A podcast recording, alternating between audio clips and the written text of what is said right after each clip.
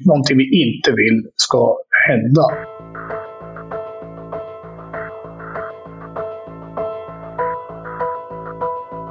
Ja, det är ju alltid upprörande som organisation. Vi, vi tar ju här, våra kunders information på största allvar.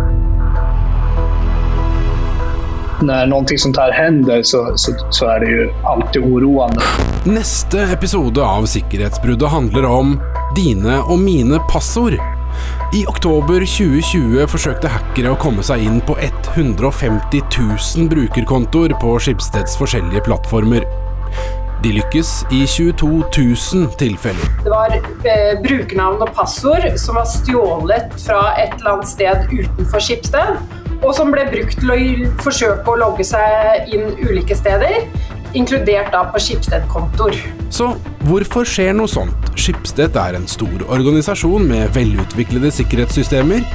Var det egentlig din og min feil? Der man lyktes, så er det typisk da snakk om brukere som benytter eh, samme passord på ulike tjenester.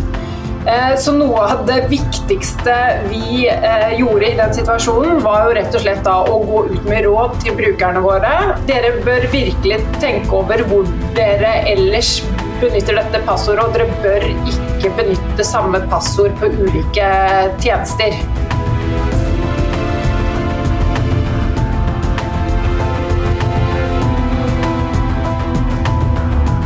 Det här är ju en utmaning i cybersecurity att hela tiden försöka skydda informationen och se till att, att det inte finns några hål in eh, för några attackers.